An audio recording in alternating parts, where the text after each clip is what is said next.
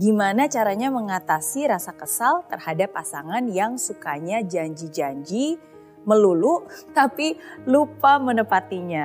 Tips anti galau, Kak. Bagaimana kita tahu pasangan kita itu serius dengan kita? Terus apa bahasa tubuh si laki-laki itu serius dengan kita?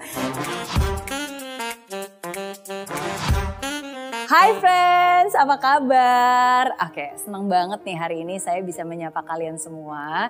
Nah, jadi pas lagi uh, Valentine tanggal 14 Februari kemarin, jadi di Instagram saya saya membuka kesempatan untuk siapa pun juga yang ingin bertanya seputar love, seputar cinta, seputar relationship dan saya bilang nanti saya akan jawab pertanyaan kamu dan ini dia. jadi hari ini saya sudah uh, mendapatkan beberapa beberapa pertanyaan dari kamu dan saya akan coba untuk menjawab dari pengalaman saya dan juga dari pemikiran saya. Semoga uh, bermanfaat dan semoga pertanyaan kamu yang uh, saya bahas ya. Oke, okay, kalau gitu langsung aja. Ini yang pertama ada dari at Susi underscore Evanta. Oke, okay, saya mau nanya Mbak, gimana caranya mengatasi rasa kesal terhadap pasangan yang sukanya janji-janji melulu tapi lupa menepatinya. Dan bagaimana caranya agar dia mau berubah dan gak seperti itu lagi. Oke, jadi buat Susi, um, saya tahu pasti rasanya kesal ya kalau uh, janji-janji-janji, eh ternyata nggak jadi. Janji-janji-janji, tapi bohong. ya kan? Nah, tapi mungkin uh, ada dua hal nih yang ingin saya bagikan untuk menjawab pertanyaan kamu. Jadi pertama-tama uh, saya ingin kamu punya prasangka baik dulu terhadap pasangan kamu. Berprasangka baik itu penting banget. Oke, nah apa yang saya maksud dengan berprasangka baik? Jadi pertama-tama kamu harus bisa mengerti bahwa mungkin sebenarnya bukan maksudnya pasangan kamu sengaja ngelupain janjinya atau sengaja nggak menepatinya. Mungkin bisa saja itu adalah kelemahan dia. Kan kamu tahu sendiri dong, setiap orang kan pasti punya kelebihan dan kekurangan. Dan ada loh sebenarnya banyak orang yang kelemahannya ya memang dia pelupa. Mungkin karena terlalu banyak hal atau mungkin gak dijadwalkan. Ya jadi pada dasarnya ya memang pelupa aja gitu. Nah dan kalau itu yang terjadi berarti kamu sebagai pasangannya bisa membantu kalau gitu gimana caranya supaya ini nggak nggak menjadi kelemahan yang akhirnya nanti merusak hubungan? Jadi contohnya nih, kalau misalnya dia, uh, oke okay, janji uh, Sabtu ini kita uh, nonton di bioskop, oke? Okay? Nah, dan kalau kamu tahu mungkin biasanya dia suka pelupa, berarti mungkin dari beberapa hari sebelumnya, dari hari Rabu bisa diingatkan, nanti hari Sabtu kita jadi nonton ya. Um, udah tahu belum mau nonton apa? uh, apakah saya bisa pesenin tiketnya? Ya jadi contohnya seperti itu. Atau mungkin pas lagi di hari um, sebelumnya pas lagi hari Jumatnya ya diingatkan lagi nih tiketnya udah dibeli nih besok eh, kita mau ketemu jam berapa ya? Dan seterusnya. Nah intinya adalah um, mencoba untuk bisa membantu sehingga kelemahannya dia yang mungkin pelupa um, jadi perlahan-lahan bisa berkurang jadi itu ya tetap berprasangka baik bahwa dia sebenarnya nggak nggak sengaja melakukan hal itu untuk menyakiti hati kamu dan sebenarnya dia juga nggak mau menyakiti hati kamu. Oke, nah jadi itu yang pertama. Nah yang kedua Oke, kedua sebenarnya berhubungan dengan uh, pertanyaan kamu yang selanjutnya ya, gimana caranya supaya dia mau berubah dan tidak seperti itu lagi? Ya, jadi tadi saya sudah jelaskan.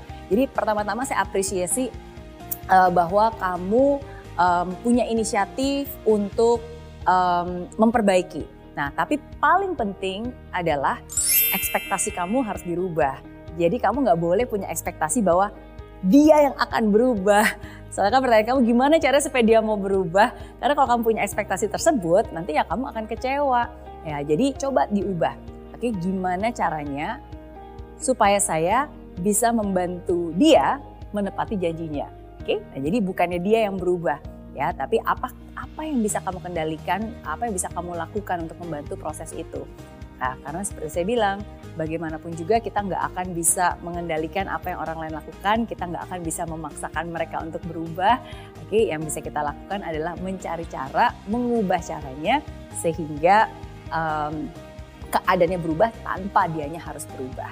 Oke jadi uh, itu aja sih mungkin uh, tips dari saya ya intinya uh, coba berprasangka baik dan coba lakukan hal yang baik dan coba juga bicarakan baik-baik dan semoga uh, dua orang mengusahakan hal yang baik pastinya akan jauh lebih baik ya daripada uh, dua-duanya hanya uh, diam-diam saja dan berharap salah satunya berubah.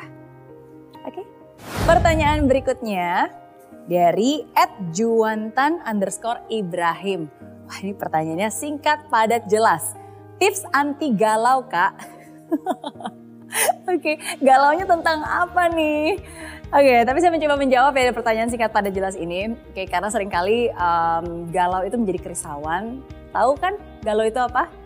Gelisah antara lanjut atau udahan. Nah, ya kan? Nah, jadi biasanya kalau kamu sekarang berada dalam persimpangan, lanjut nggak ya? Udahan nggak nih? Mau ke mana nih? Dibawa ke mana nih? Gitu.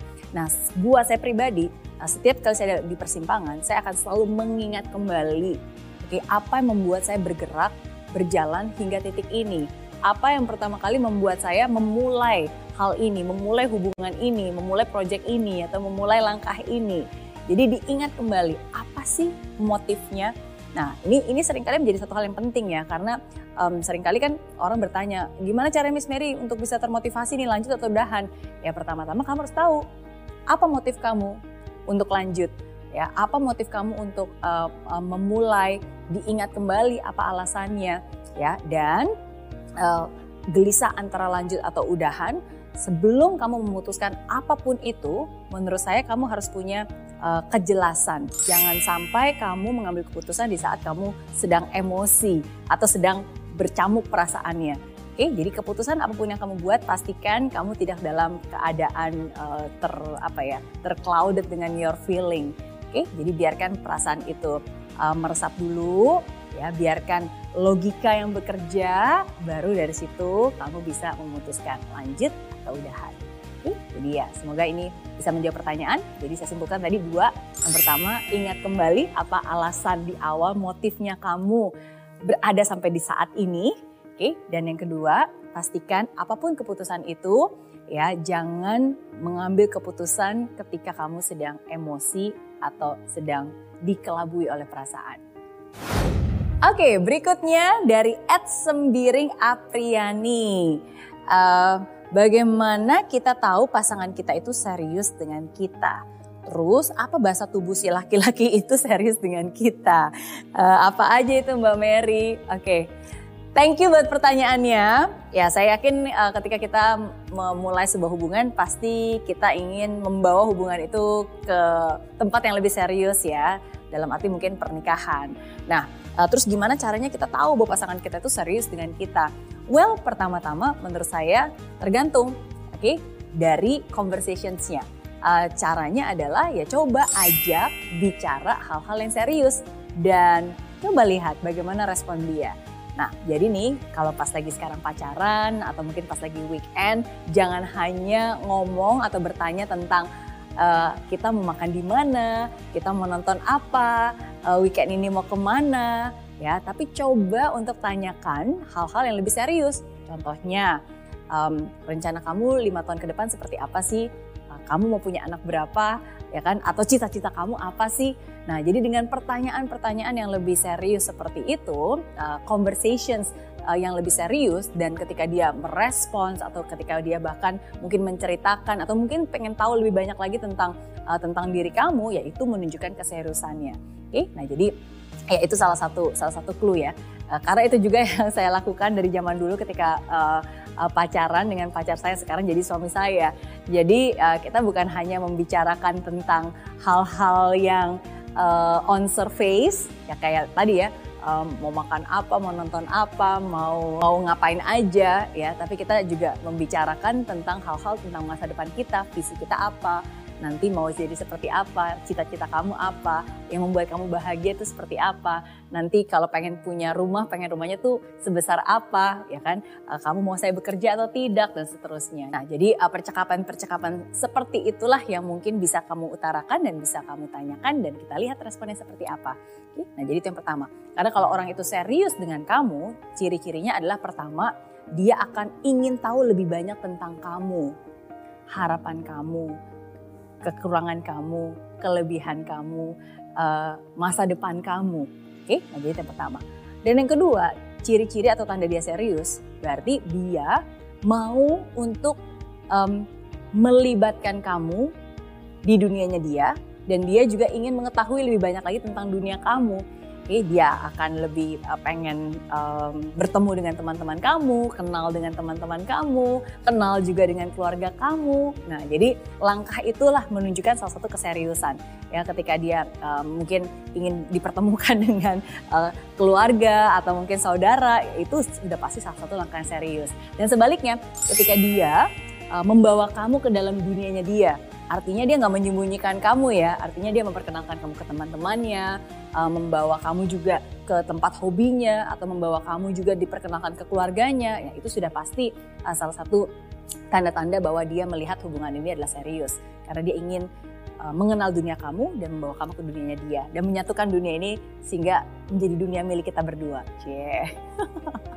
Oke, okay. anyway, ya jadi uh, itu sih mungkin dua tanda-tanda dan clue Nah, terus kalau dari pertanyaannya bahasa tubuh, waduh, oke. Okay. Jadi hal-hal tentang serius ini menurut saya nggak nggak nggak nggak bisa dilihat dari bahasa tubuh ya, karena kan kalau dari bahasa tubuh itu kan hanya gestures, tapi dilihat dari um, ya cara dia memperlakukan kamu sih menurut saya. Karena kalau dia serius dan dia menganggap hal ini penting, sama seperti satu hal yang penting itu pasti akan akan dirawat, akan dijaga. Nah, jadi kalau dia sungguh-sungguh serius dengan kamu, pasti dia akan dengan sangat hati-hati menjaga kamu, menjaga hati kamu, menjaga fisik kamu, menjaga pemikiran kamu ya dan dan memastikan bahwa itu terawat dengan baik dan dijaga dengan baik.